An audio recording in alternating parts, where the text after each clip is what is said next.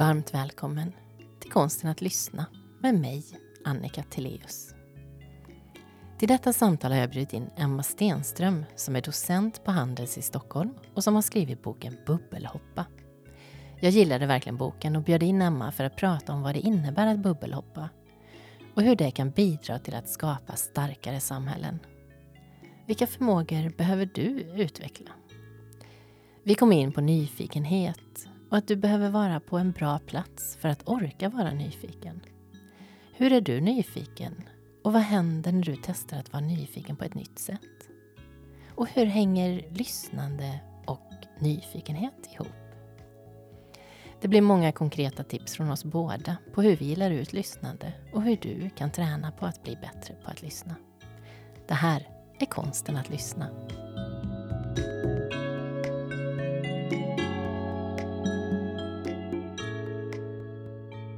Innan vi börjar så har jag en ritual.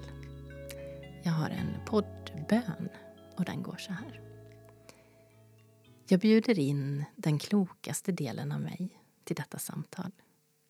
Låt mig vara öppen, äkta och närvarande. Låt samtalet vara varmt, utforskande och fullt av tillit. Låt oss ta fram det bästa i varandra och välkomna det som sker. Låt detta samtal bli ett fint minne som vi skapar tillsammans, här och nu. Vad fint, säger jag. Tack. Skön början. Jag tycker om det här med att sätta någon form av intention för samtal eller möten eller vad vi än gör. Och det här tycker jag var en väldigt fin intention.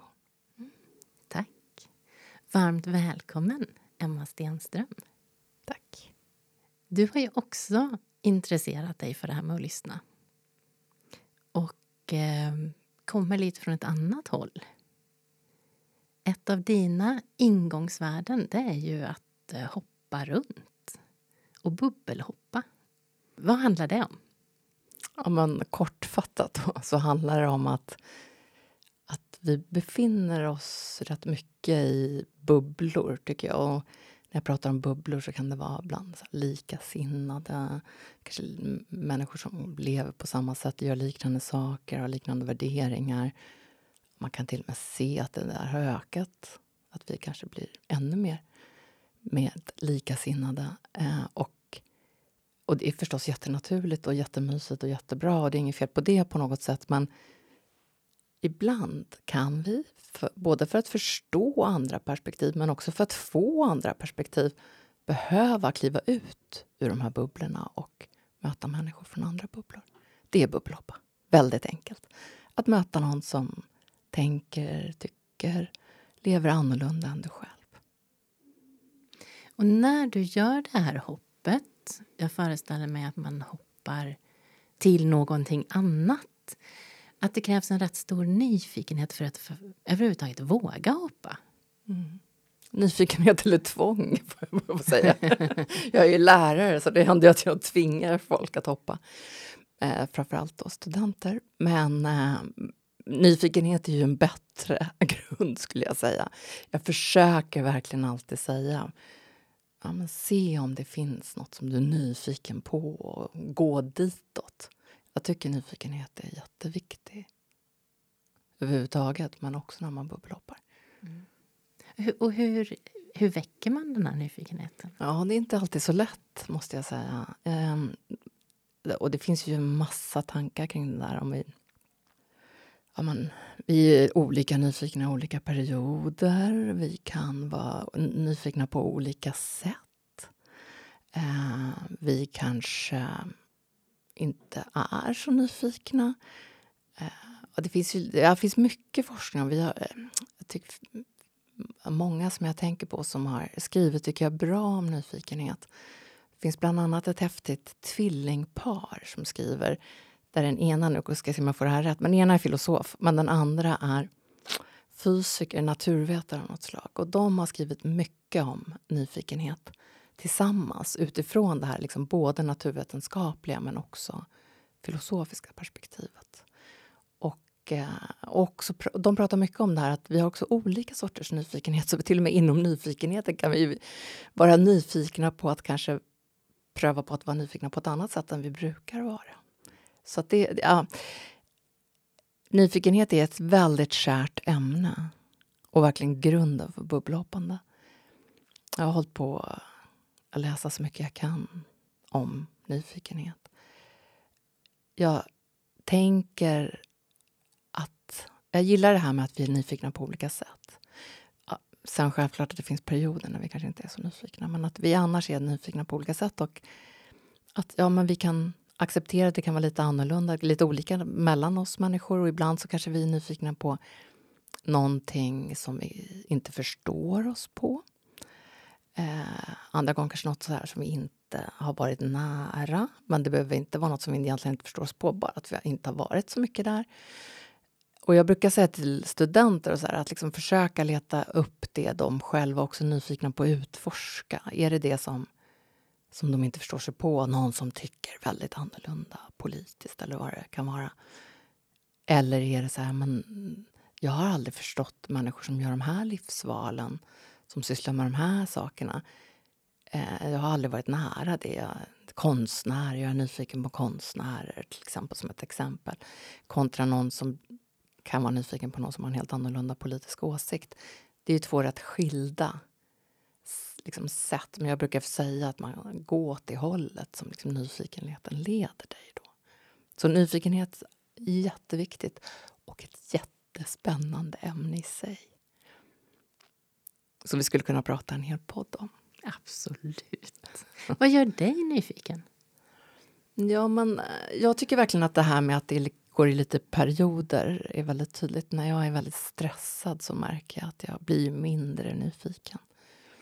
Så att eh, jag behöver också liksom vara på en lugn och lite bra plats för att orka vara nyfiken.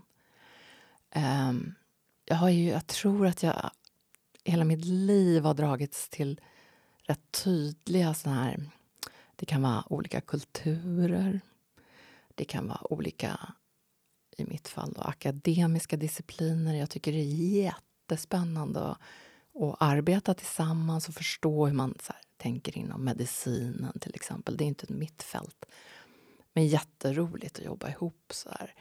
Allt som, är, allt som börjar på inter brukar jag säga att jag älskar. Så här, interaktivt, interdisciplinärt, internationellt. Allt som sker i det där mellanrummet någonstans. Det är ju det det handlar om.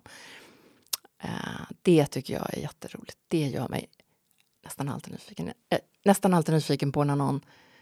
Ja, men om jag sitter vid en middag och hamnar bredvid någon som har ett yrke som jag inte alls själv har varit i närheten av och inte känner till. Ja, men säg polis. Jag bara hittar på något. Då är det jättespännande att liksom höra om någon så vardagspraktik. Och vad gör du? Och hur ser dina dagar ut? Så här. Det gör mig alltid nyfiken. Men jag tror ibland, och det, om jag ska vara lite kritisk mot mig själv så har jag en tendens att gå rätt mycket så professionell nyfikenhet. Jag är alltså mer nyfiken professionellt ibland än vad jag är privat. Det, är ju lite, det vet jag inte varför det är så, men så kan jag verkligen känna att det är. Att, det, att jag har en så professionell nyfikenhet. Det är lättare för mig att vara nyfiken på andra yrken och andra bak, vissa discipliner eller andra kulturer. Så här. Lite mer professionellt. Och så i det privata kan jag ibland tycka att jag bara kryper in i min bubbla och liksom är mest bara ja, men inte alls så nyfiken som jag skulle vilja vara. Vad, vad, berätta om dig. Hur, hur är du nyfiken? jag får ju så många följdfrågor på det du precis berättade men eh, jag kan spara på dem lite grann då. Mm. Eh, jag blir nyfiken framför allt på människors passion. När någon prata passionerat om någonting. Samtidigt vill jag gärna att den personen också ska visa en form av nyfikenhet. Att det inte bara blir det här att jag trycker på din passionsknapp och så kommer det ut och så finns det inget stopp. Mm. Jag tycker det är spännande och jag kan ställa följdfrågor för att få veta mer om biodling eller hur man transplanterar hud på brännskadepatienter eller vad det nu kan vara. Men jag önskar också bli inbjuden. Ja. Ja. Och det samspelet ökar min nyfikenhet, Spännande. tror jag. Ja, just det. Ja, det känner jag igen mig. Då tänker jag på den här boken som jag refererade till. Det här tvillingparet som har skrivit. Där de pratar också om en dansande nyfikenhet. Det, tycker jag, det tänker jag på när du säger så. Att det liksom bjuder in och man skapar tillsammans och man möts. Att det inte bara är en intervju och jag ska få ut så mycket som möjligt av dig och du är inte ett dugg nyfiken på mig. Och vi har inget samspel. Det är spännande. Nej, utan precis det du beskriver. att ja, men Det händer någonting i mötet. Ja. ja. Och passion Ja. tycker du är spännande. Ja, det tycker jag är spännande. Vad är din passion? Min passion är nog möten. Ehm, nu kanske jag letar likheter, men jag känner ju också igen det här du säger med vad händer när vi lite grann krockar? Mm. Mm. Hur, hur kan vi berika varandra när vi möts någonstans? Och kanske att mötas någonstans där ingen av oss är expert. Vad händer då? Mm. Mm. Ja, verkligen det. Ja, då uppstår ju någonting. Ja, Ja. så det är någonting som jag tycker är... Jag skulle gärna jobba mer med att facilitera möten där människor kommer från olika håll Ja. för att se, kan vi eh, utan prestige och utan att jag borde veta hur man ska göra det här eh, bara se om vi kommer blanka. Mm. Vad händer då? Mm. Ja, det är spännande, verkligen. Och jag, ja, jag håller helt med. Just det här att blanda, men det behöver att man faciliterar eh, sådana möten också. Att det följer någon form av protokoll så att det verkligen uppstår... Eh, det handlar väl också om någon makt kanske i botten, att inte någon tar över. Man får vara jämlik. När du säger att ingen är expert så hör jag ju det också. Att det kanske det är kanske en viktig del. Ja, att alla får komma med förslag eller att man har olika steg där man kan tänka. Ja. Först får vi hitta på idéer, sen får vi Mm. utvärdera. Ja. ja. Fler såna tycker jag man... Ja, jag kommer. Ja, ja men härligt. Ja, fler såna möten skulle vi behöva, tror jag. Ja, jag, hör, jag hörde en, eh, en vän till mig, hon har en grävmaskinsfirma. Hon eh, satt med i, ja, nu vet jag inte, men Grävmaskinisternas riksförbund kanske. Mm. Och eh, där hade de haft ett föredrag.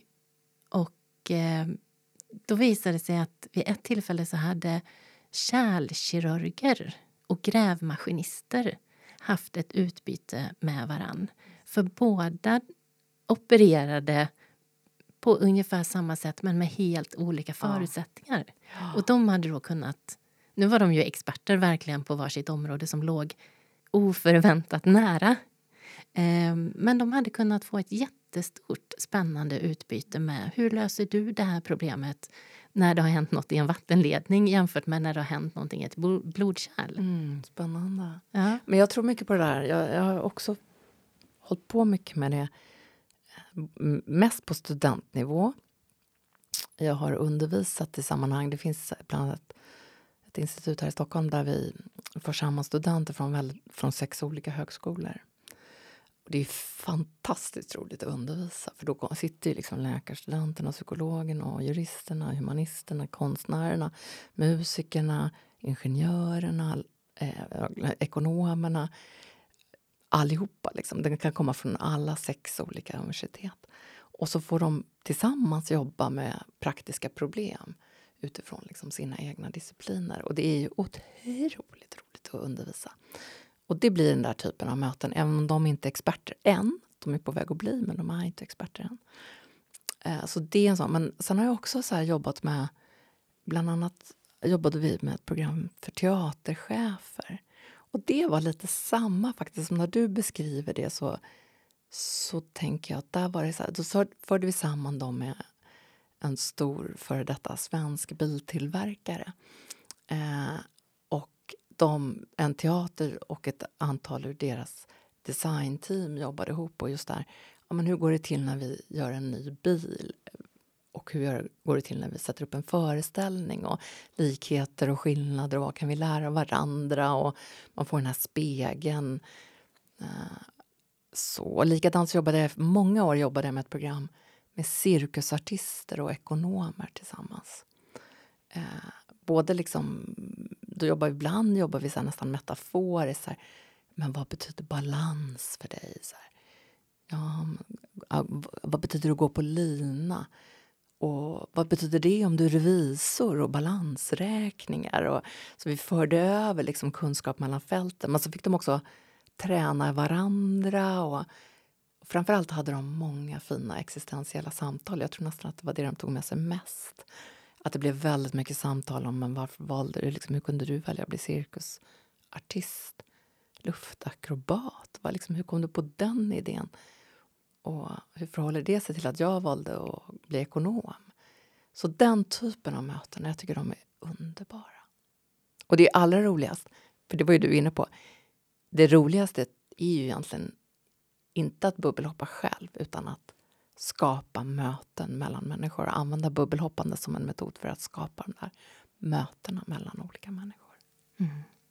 Och hur hjälper de här människorna att skapa förutsättningar för att det ska bli det här utbytet?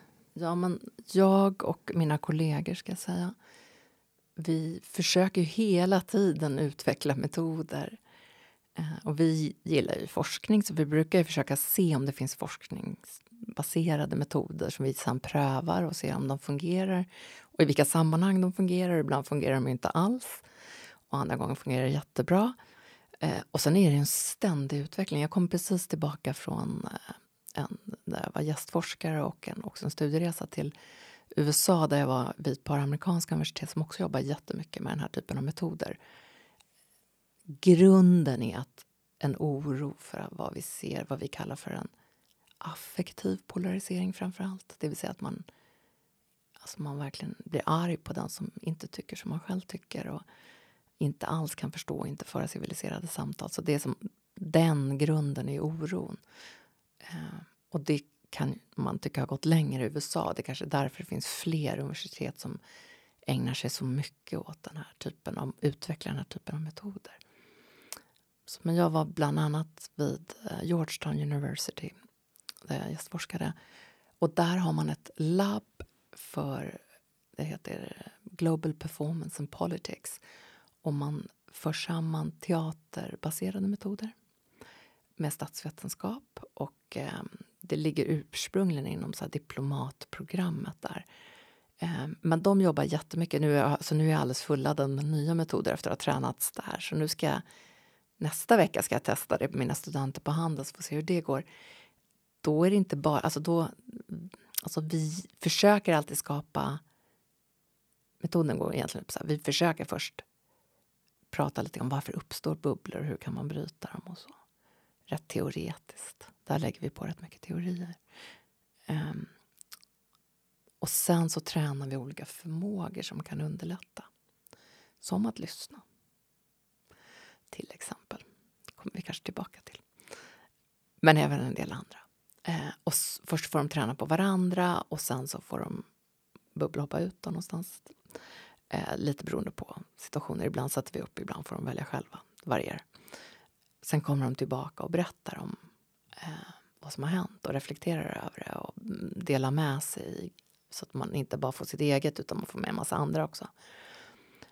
Och de där metoderna hela tiden, både de här teorierna bakom men framförallt så här förmågorna som vi tror att man kanske kan träna och ha nytta av på en massa olika tillfällen. Det är vi ständigt på jakt efter nya. Så nu är jag ju verkligen fulladdad med också så här teaterbaserade metoder. Det här labbet, de jobbar till exempel... Alltså de kan ta studenter från olika håll, precis som det är ett universitet också. Så att de kan ta studenter från som tenderar att vara lite progressiva, nu pratar vi en amerikansk kontext, och möta de som är kristna och höger. Eh, och då får de här studenterna möta varandra och föra samtal. Och, men de får också spela varandra. För att verkligen kliva in i den andra skor. Det heter In your shoes-projektet. för allihopa. Så de står på scenen och spelar varandra också. Och det här gör de inte bara på studentnivå. Studentnivå kan man tänka sig lite mer tillåtande ibland. Men eh, de gör det också. Nu håller de på med så här relationer mellan Kina och USA till exempel. Eh, finns ju, man har jobbat ja, både i konfliktområden och, men även då med, ja, med studenter och polarisering. Så att metoderna går att använda på många ställen men hela, jag är hela tiden på jakt efter nya förmågor som kan underlätta. Men det behövs också nya platser och nya kontexter. Som du säger, den här, de där att mö skapa mötena, det är också viktigt. Så det räcker ju egentligen inte bara med att träna förmågor. Så. Även om jag gör det jättemycket. Jag, tränar, jag ägnar mycket tid åt att leta metoder hela tiden och pröva. Och ibland funkar ibland funkar det inte. Och gärna så här med... Nej men som förra veckan, då var jag till exempel ja, men studenter förstås, men sen var jag också så här, träffade folkhögskolor. Eh, lärare på folkhögskolor. Och så träffade jag en massa gymnast, idrotts och hälsolärare. Idrott och hälsa heter det nu för tiden. Gympalärare höll jag på att säga, men det heter det nog inte längre. Men på GIH, på gymnastik och idrottshögskolan. Eh, och det känns också så här, kan vi göra de här metoderna väldigt fysiska också? För jag tror mycket på det. Jag tror inte att det räcker med att kognitivt ta till sig det här utan när de blir förkroppsligade. Det är därför teatern och cirkusen och det där som jag håller på mycket med tycker jag är jätteviktigt att ta in. Men jag tror att även de här... Alltså det vore jättekul om de hade lust att experimentera lite med att ta in det på jumpan som jag kallar det fortfarande. Fick du själv testa på metoden?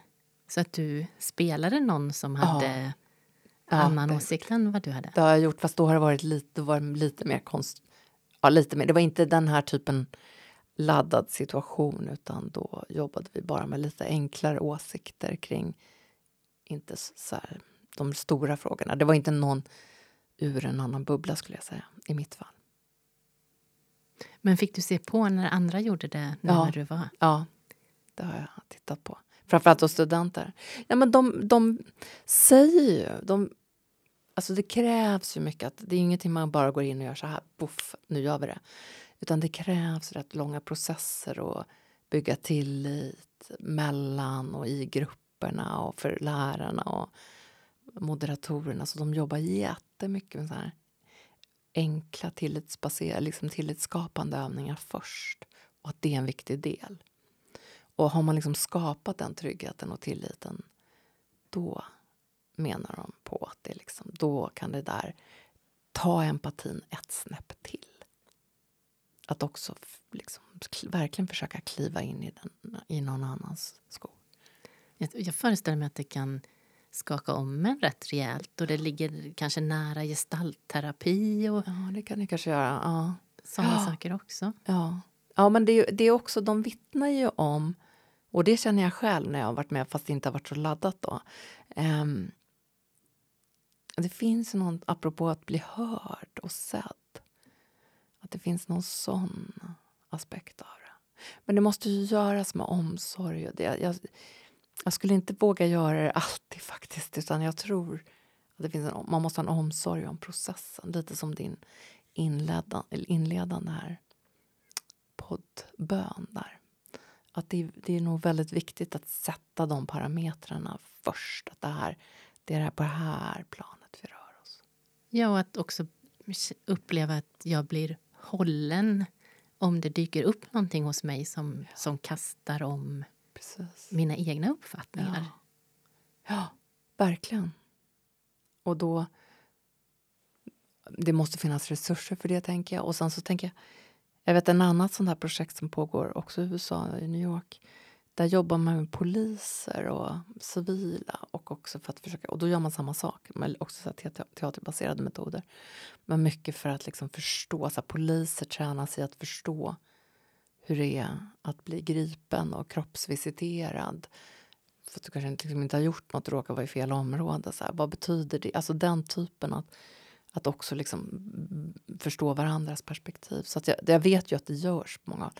Jag vet eh, läkare som arbetar och förstås patientkontakt med den här typen av metoder också. Det finns säkert massa andra också. Men jag tycker det är väldigt...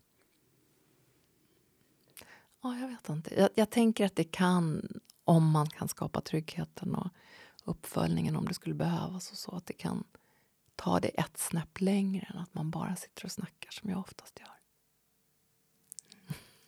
Och när du använder metoder för att hjälpa dina studenter att bli bättre på att lyssna, hur, hur gör du det?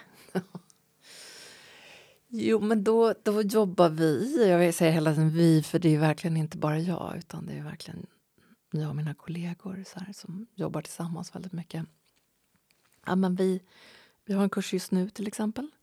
Och då, kan vi, ehm, då har vi börjat med att de får sitta och bara träna på att lyssna. Och när de gör det, så här, de, har fått ett, de får berätta om en situation för varandra. För de tränar på att lyssna och då brukar vi prata om sådana saker som att både lyssna inåt på sig själv och lyssna på vad den andra säger förstås. Och sen så upprepa, loopa om man vill kalla det för det. Upprepa vad du har hört och se om den andra känner sig lyssnad till på riktigt och hörd. Um, och så, där börjar vi liksom träna den typen av konversationer. Uh, nu kommer vi nästa vecka, nej nu i veckan faktiskt, redan imorgon. Då går vi snäppet vidare, då börjar vi prata om lite mer konfliktfyllda situationer. Eh, sen så, så tar vi det vidare. Då mm, känner jag så här, det här kan jag inte berätta om, för det vet de inte om än. Men de kanske inte lyssnar här och nu precis. Utan det kommer vi lite väntar lite och släppa det här. vänta släppa jag märker liksom, jag kan inte berätta det här för det, det faller. Men veckan efter kommer vi också titta lite mer på när vi eh, också kroppsspråk. Vi, jag vet en sån här övning som jag gör till exempel är också att vi tränar på att, hus, att med all liksom med tydlighet visa att vi inte lyssnar på varandra, hur det känns. Och sen så lyssna på varandra. Så att det blir också att vi får in lite kropp i det här. Eh, sen brukar vi jobba vidare med eh, en modell som jag gillar som handlar om att lyssna på olika nivåer. Då tränar vi det. Ibland brukar jag då läsa som en kontroversiell text till exempel. då kan man så här, identifiera själv om man lyssnar på en nivå där man bara söker bekräftelse på det man redan tror och tycker och tänker. Eller går ner lite djupare och lyssnar efter nya saker, vidgande eller ännu lite djupare empatiskt försöker förstå liksom var den andra kommer ifrån. Eller ännu djupare där man kommer tillsammans på nya saker generativt.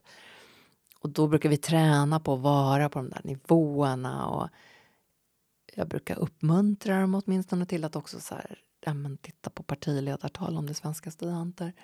Titta på partiledartal från Almedalen eller något sånt. Um, och notera om du lyssnar annorlunda, om du lyssnar på en partiledare som du skulle kunna, vars parti du kunde tänka dig rösta på och en partiledare vars parti du inte kunde tänka dig rösta på.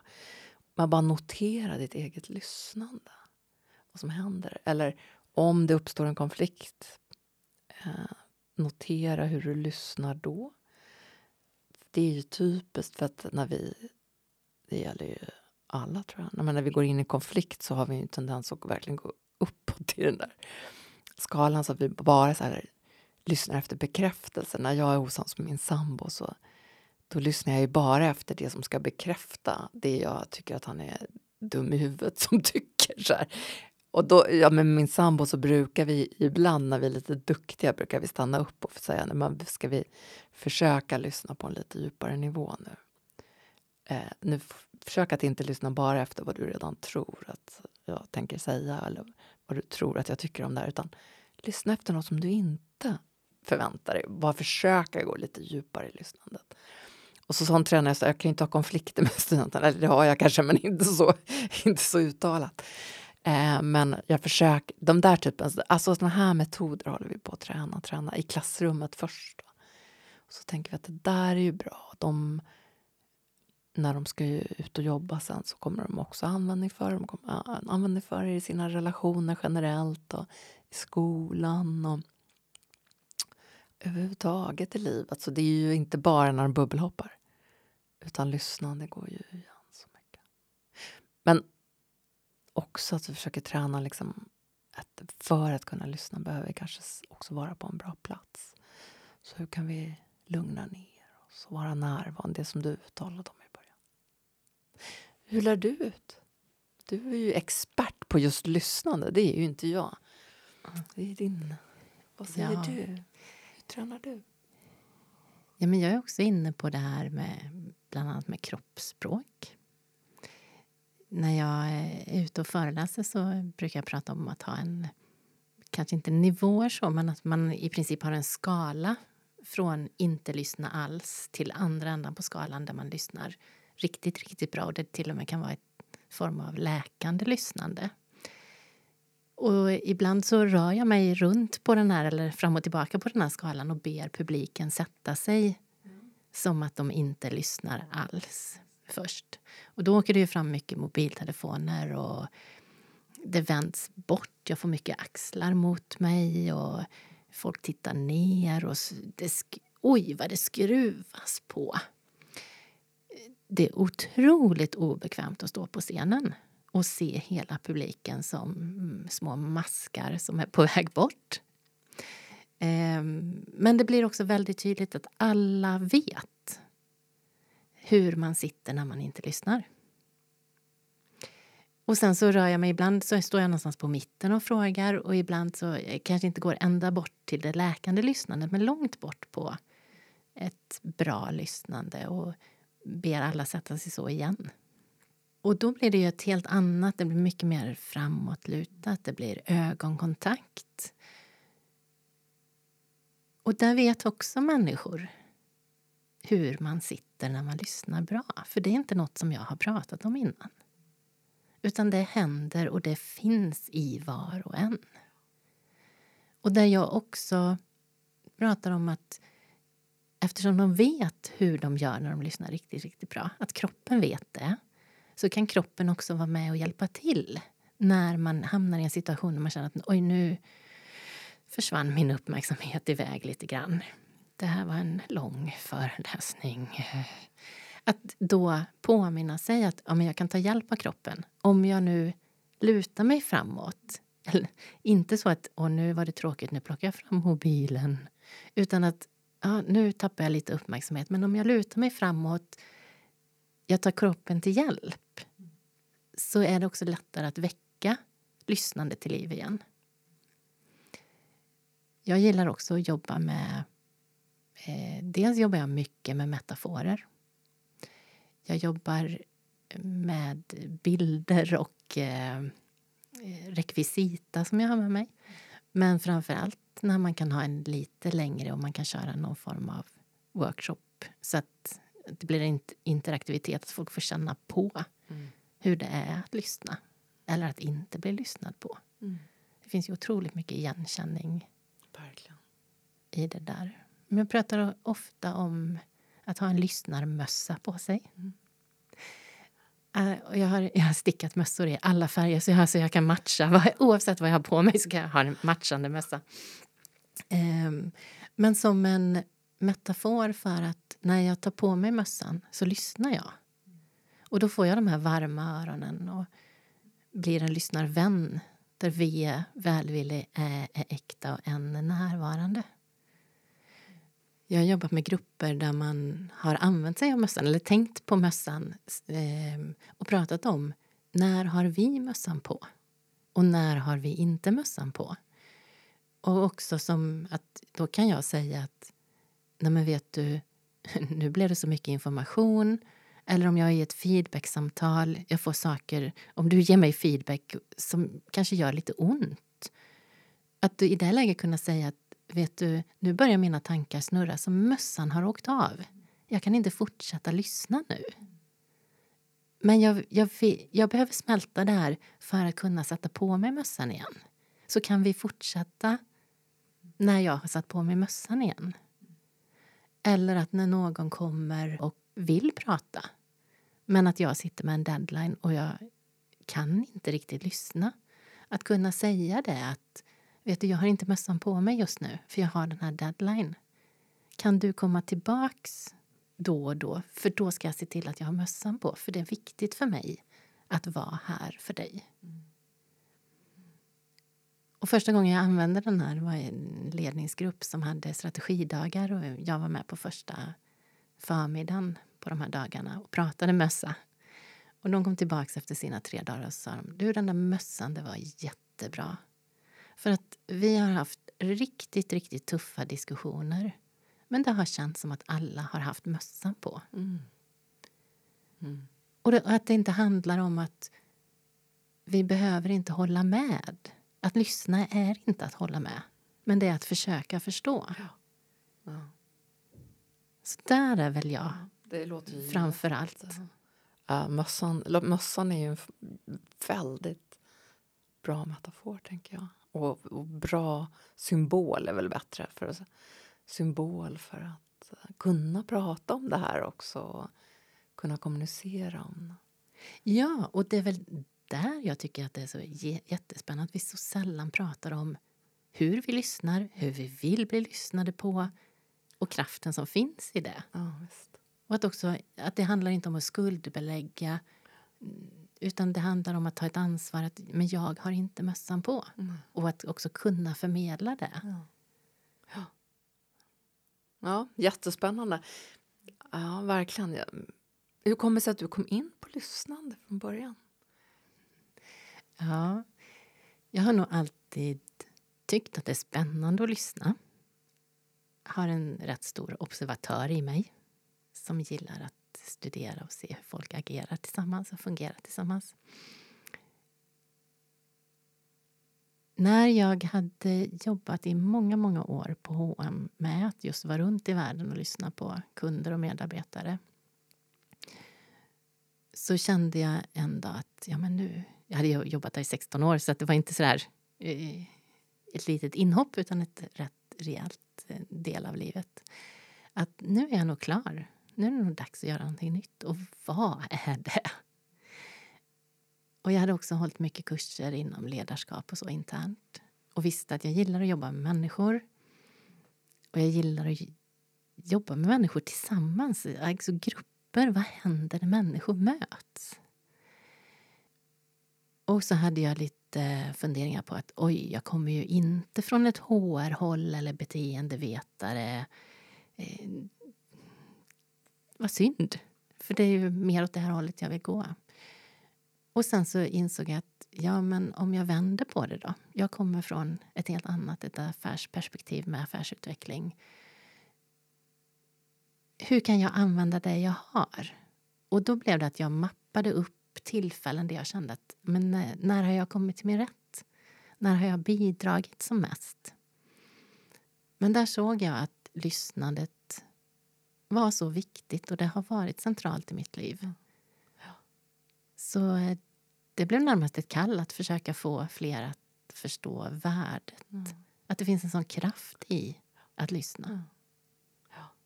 Och hur nära förknippat det är med nyfikenheten som vi ja började med. Mm. Jag tycker att eh, när jag har mött människor i, när vi har spelat in avsnitt så har det väldigt, väldigt mycket handlat om att det finns en nyfikenhet. Ja. Och lyssnandet är både kanske nyfikenhet och sen så är det ju också den här att se varandra, höra varandra, erkänna varandra. Jag tänker att det är så ja, det är så avgörande när vi pratar mycket av de problem vi står inför i samhället idag och i organisationer. Skolan. Det spelar egentligen ingen roll var vi befinner oss men det är ju det känns som att lyssnandet är en väldigt central del i att kunna komma lite grann till rätta med en del av problemen. Mm. Vi brukar prata om Lyssna på sig själv, lyssna på varandra men också lyssna på världen. Det här trippellyssnandet. Mm. Du har ju också varit engagerad i framtagandet av Inner Development Goals. Berätta hur, hur du blev engagerad i det och vad det handlar ja, om. Alltså jag har inte varit jätte... Det finns verkligen de som har väldigt mycket större engagemang än vad jag har. Jag var med från, lite från början därför att eh, ja, dels för att jag råkar känna en del av personerna där eh, inklusive eh, gamla studenter som jobbar med det där. Och, och det, då, från början så kallade vi det ju inte för Inner Development Goals. Utan vi hade väl en gemensam... Det hade jag gemensamt. Det hade jag jobbat mycket med i undervisningen och så. Att, att vara en, intresserad av att förstå... Alltså jag har kallat för mycket olika saker, men så här, vilken mänsklig utveckling behöver vi för hållbarhet? Det som ibland kan kallas för hållbarhetskompetenser. Eh, det är som ett stort fält, bara det. Vad är det för... Och, och jag vet att jag lekte med tanken 18 målet, kallade jag det från början. Och sen så, Baserat alltså på... på hållbarhetsmålen, de 17 globala målen för hållbar utveckling.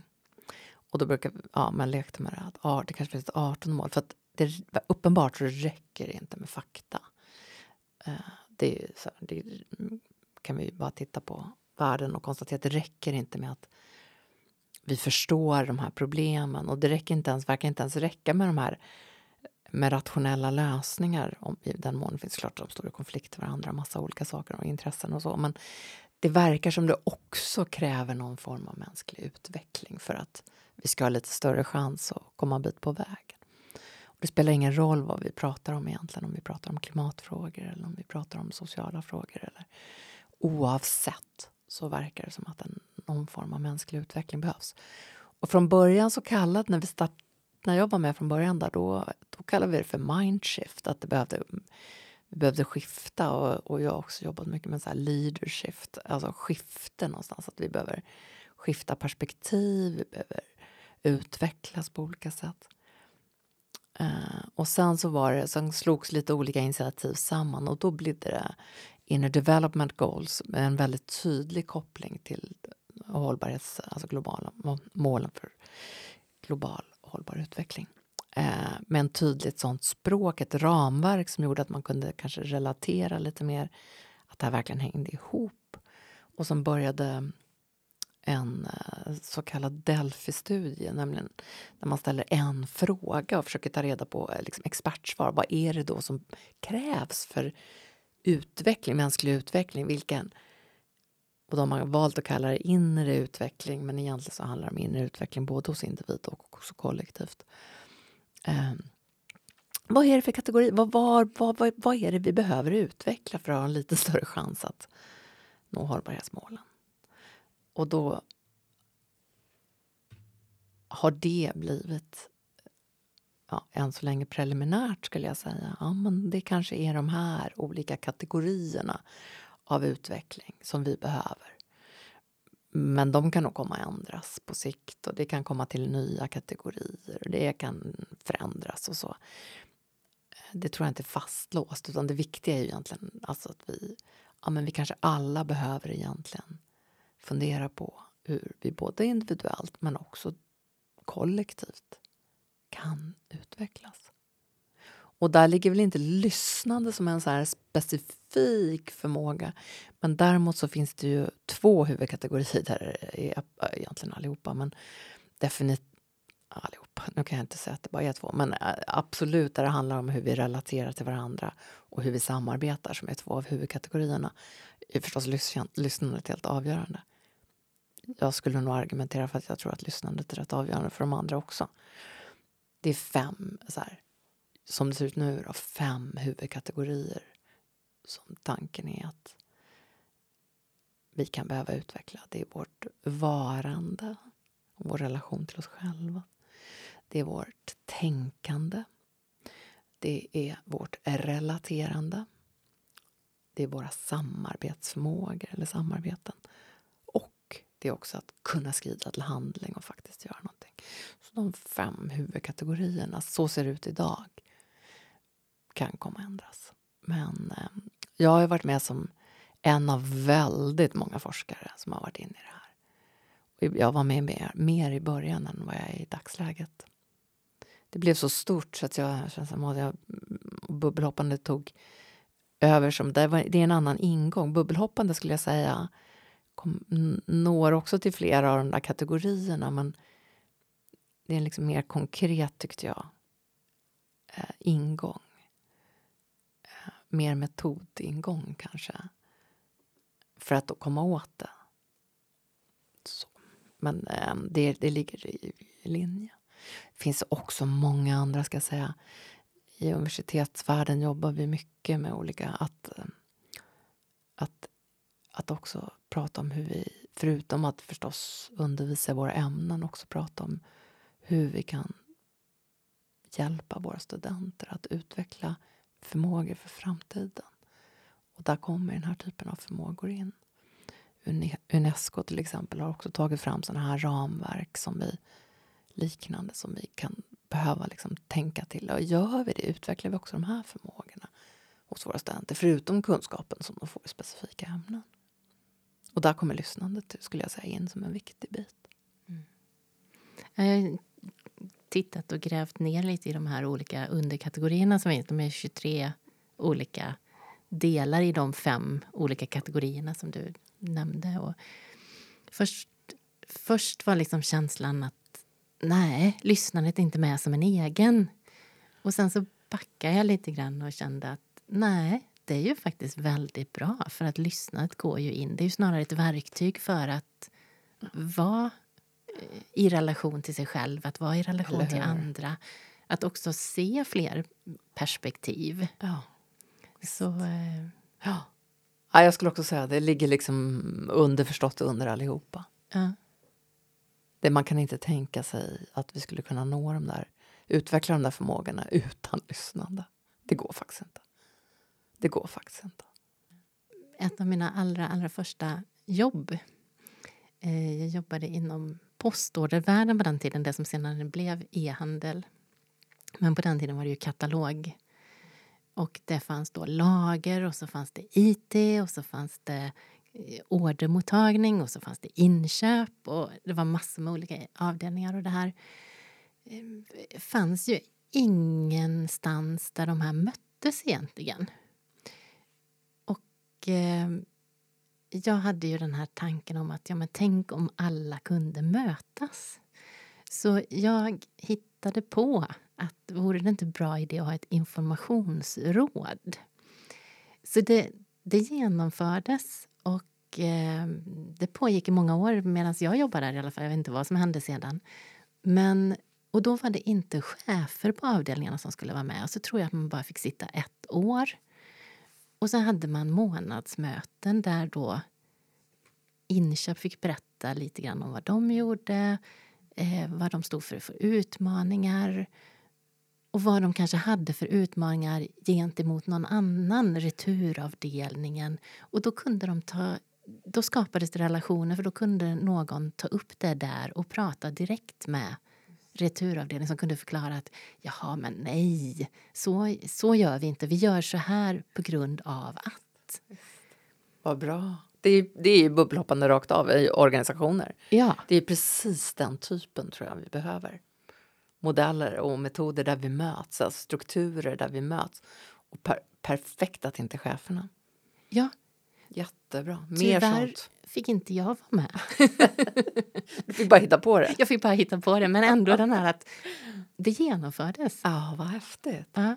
Jättebra, vad häftigt. Ja, jag tror jättemycket på det. Och också det är liksom samma tanke fast samhälle, platser. Mm. Mm. Mer sånt. Det är ju bubbelhoppande. Ja, och hur, hur skulle man göra om man skulle bli nyfiken och vilja bubbelhoppa lite? Ja, men, äh, man kan ju bara... Alltså jag tycker att det är roligt som du var inne på där, att det är roligt att föra in det i en organisation eller i ett samhälle där det just handlar om... Du, jag tycker ditt exempel är väldigt bra där med att det kan handla om att förstå varandra liksom, på avdelningar. Det är så väldigt lätt att tro, eh, tro en massa saker om varandra. Men det är inte så att man behöver liksom gå runt och hata varandra, men man, man tror en massa saker om varandra ändå. Så bara börja där, att förstå varandra i en organisation, det är väl jättebra. Eh, och hitta strukturer för det, eller i ett samhälle, det kan vara på en plats. Men, eh, men jag tänker också, så jag, jag är ju rätt förtjust i det här lite mer organiserade på ett sätt. Eh, jag tycker att det kan ge större utväxling när man gör det till exempel i en organisation som, sådär, som du just beskrev, mellan avdelningar. Eh, eller det kan vara någon fråga som man tycker olika. Allt möjligt. Eh, men man kan förstås göra det som eh, privatperson, kanske med en grupp. Det, för det ger rätt mycket. Jag tänker så här, liten studiecirkel, typ.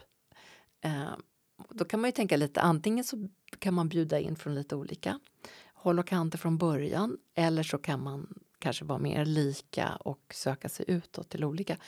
Jag tror att det är bra att peppa varandra lite grann. Både vad det kommer till att kanske välja vart man ska hoppa, vilka man ska träffa. Eh, men också för att det blir lite lättare att ha det här stödet. Och det är roligt att komma tillbaka och lyssna på andra som har varit på andra ställen. Man blir mer nyfiken. Det blir liksom större än bara ett enstaka hopp då om man har den där gruppen runt sig. Plus att jag tycker att det är lite bra att be någon annan. Eh, att inte själv komma på bara vart man ska hoppa. För det tenderar ibland att bli lite inskränkt. Det är bra att be någon annan. Vad tycker du? Vad tycker du? Har du hört mig till exempel uttrycka förutfattade meningar, jag inte säga fördomar, men förutfattade meningar om någon grupp ibland. Eh, om det är någon som står dig nära så kanske de kan ha hört det. Då kan du få ett tips. Eh, eller överhuvudtaget bara sitta och spåna. Men leka med att titta på vad, vilka är mina bubblor, vilka skulle jag kunna vara nyfiken på. Och där, jag tycker vi är lite olika där. Alltså det kan ju vara... Ja, men en, del, en del tror jag för det första rör sig mer i olika bubblor. Det finns många som har yrken. Det tycker jag också är jätteintressant. När du pratar så tänker jag på det. Det finns många som har yrken där man faktiskt ändå träffar väldigt mycket olika människor.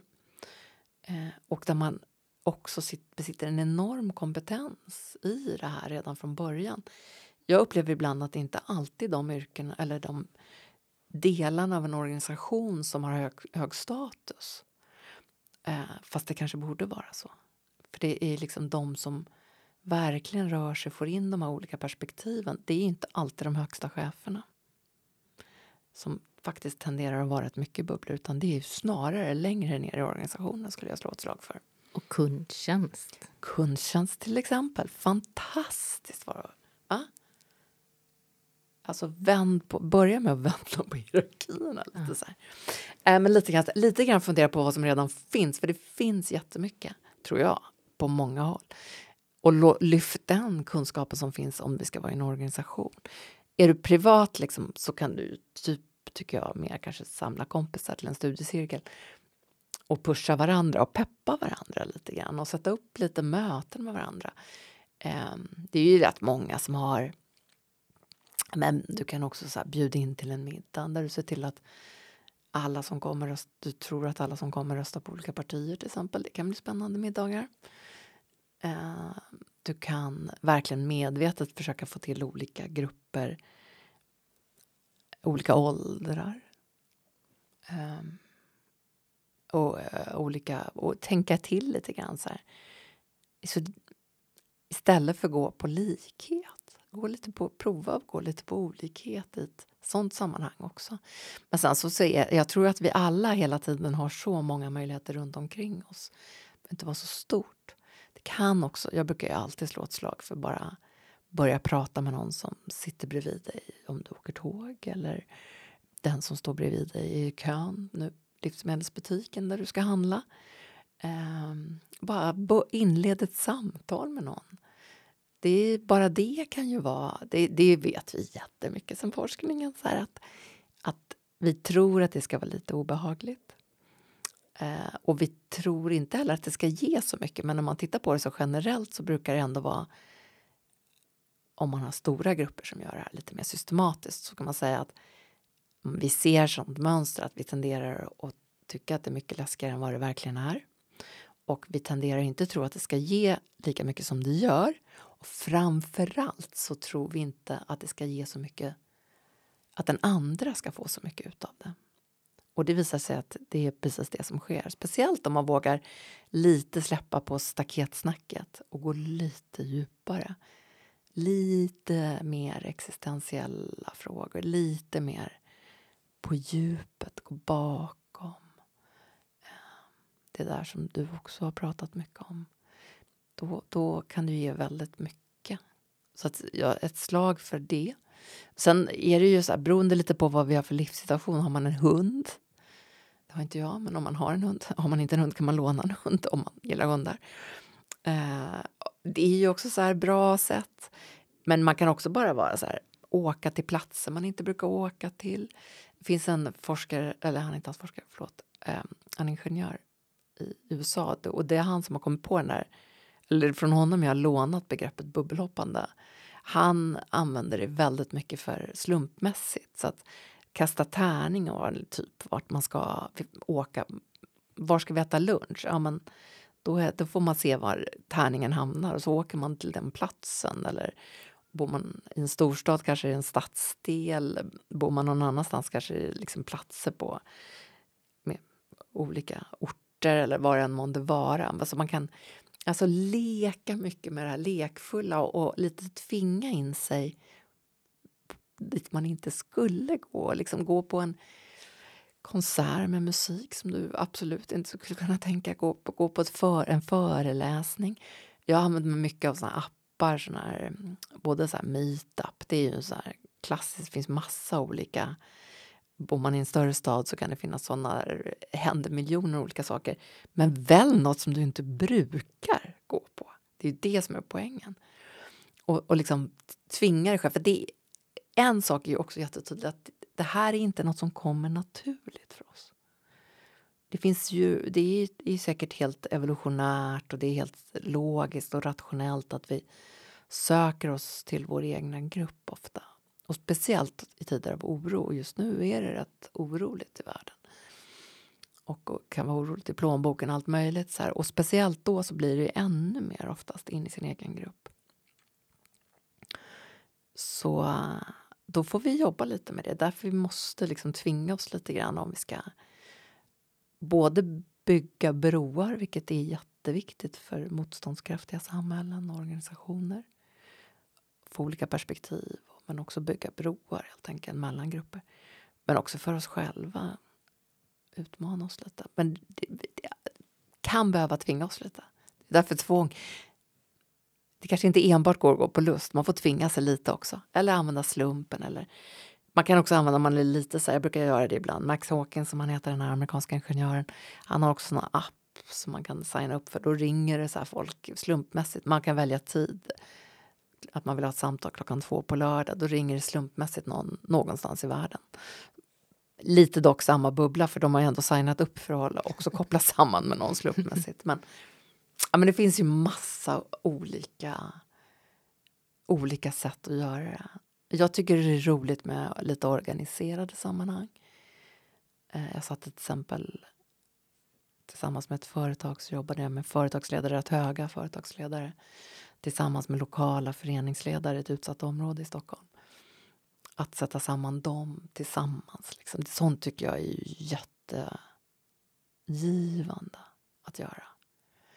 Men eh, det går alldeles utmärkt också att göra det privat. Och jag, tycker det, jag tycker inte att det är så lätt jämt så att, privat så att jag kan behöva ha min lilla grupp av bubbelhoppare. Min lilla bubbla av bubbelhoppare runt mig. Ja, men kanske är det också så att du, är, du bubbelhoppar så mycket på jobbet. Kanske behöver du vila lite privat. Helt okej, okay. precis. Så kan det ju också vara. Så kan det verkligen vara. Så att man, både, man får lite kontrasten ja, och man får vilan och man får... Verkligen. Oh, nu jag mig lite grann ja, över gränsen. Verkligen. Verkligen. Mm. Så kan det verkligen, verkligen vara. Mm. Så att det är också...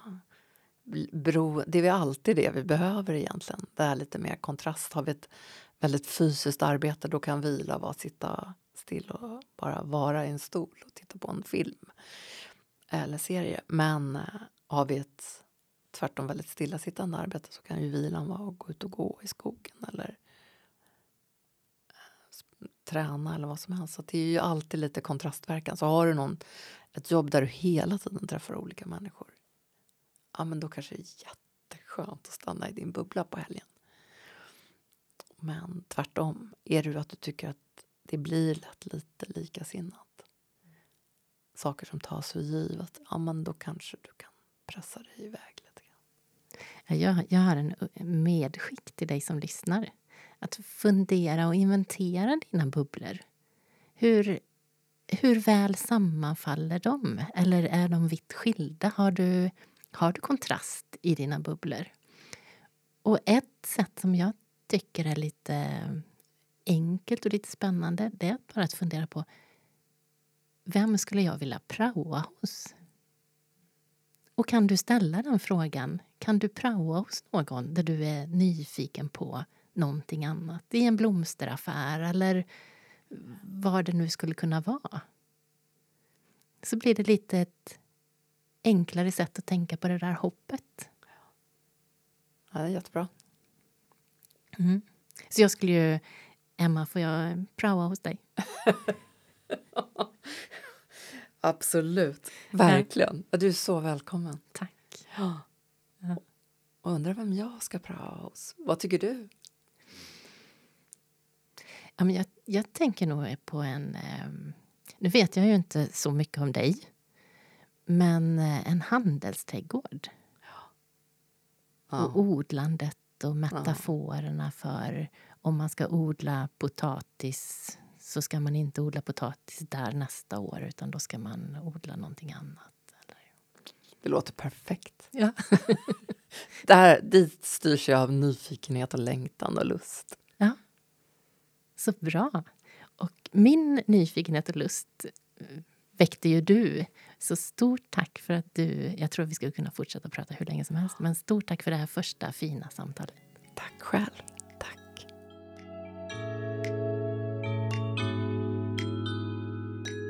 Emma pratar om att hon och hennes kollegor hjälper studenterna att utveckla förmåga för framtiden. Som att lyssna och bubbelhoppa. När vi bygger broar och ser andra perspektiv så kan vi skapa starkare samhällen. Hur gör du för att utveckla dessa förmågor hos dig? Jag tycker att det ska vara jättekul att ordna ett möte som Emma och jag pratar om. Vill du vara med? Skicka ett mejl till feedback.konstenatlyssna.se och skriv några rader om dig själv och vad som gör dig nyfiken. I avsnittet pratar vi om att ta hjälp av kroppen för att lyssna. Blir du nyfiken på det, så eh, lyssna på avsnitt 8 med Miri Dell som pratar om att lyssna på och med sin kropp. Har du feedback på avsnittet så kan du mejla till feedback.konstenatlyssna.se. Dit kan du också skriva om du vill boka mig som föreläsare, kursledare eller för att leda workshops och utvecklingsprocesser. Du har väl inte missat att Konsten att lyssna även finns som bok? Vill du att fler ska bli bättre på att lyssna så tipsa gärna om podden. Du kan också ge betyg på Spotify eller där du lyssnar på poddar. Tack för att du har lyssnat.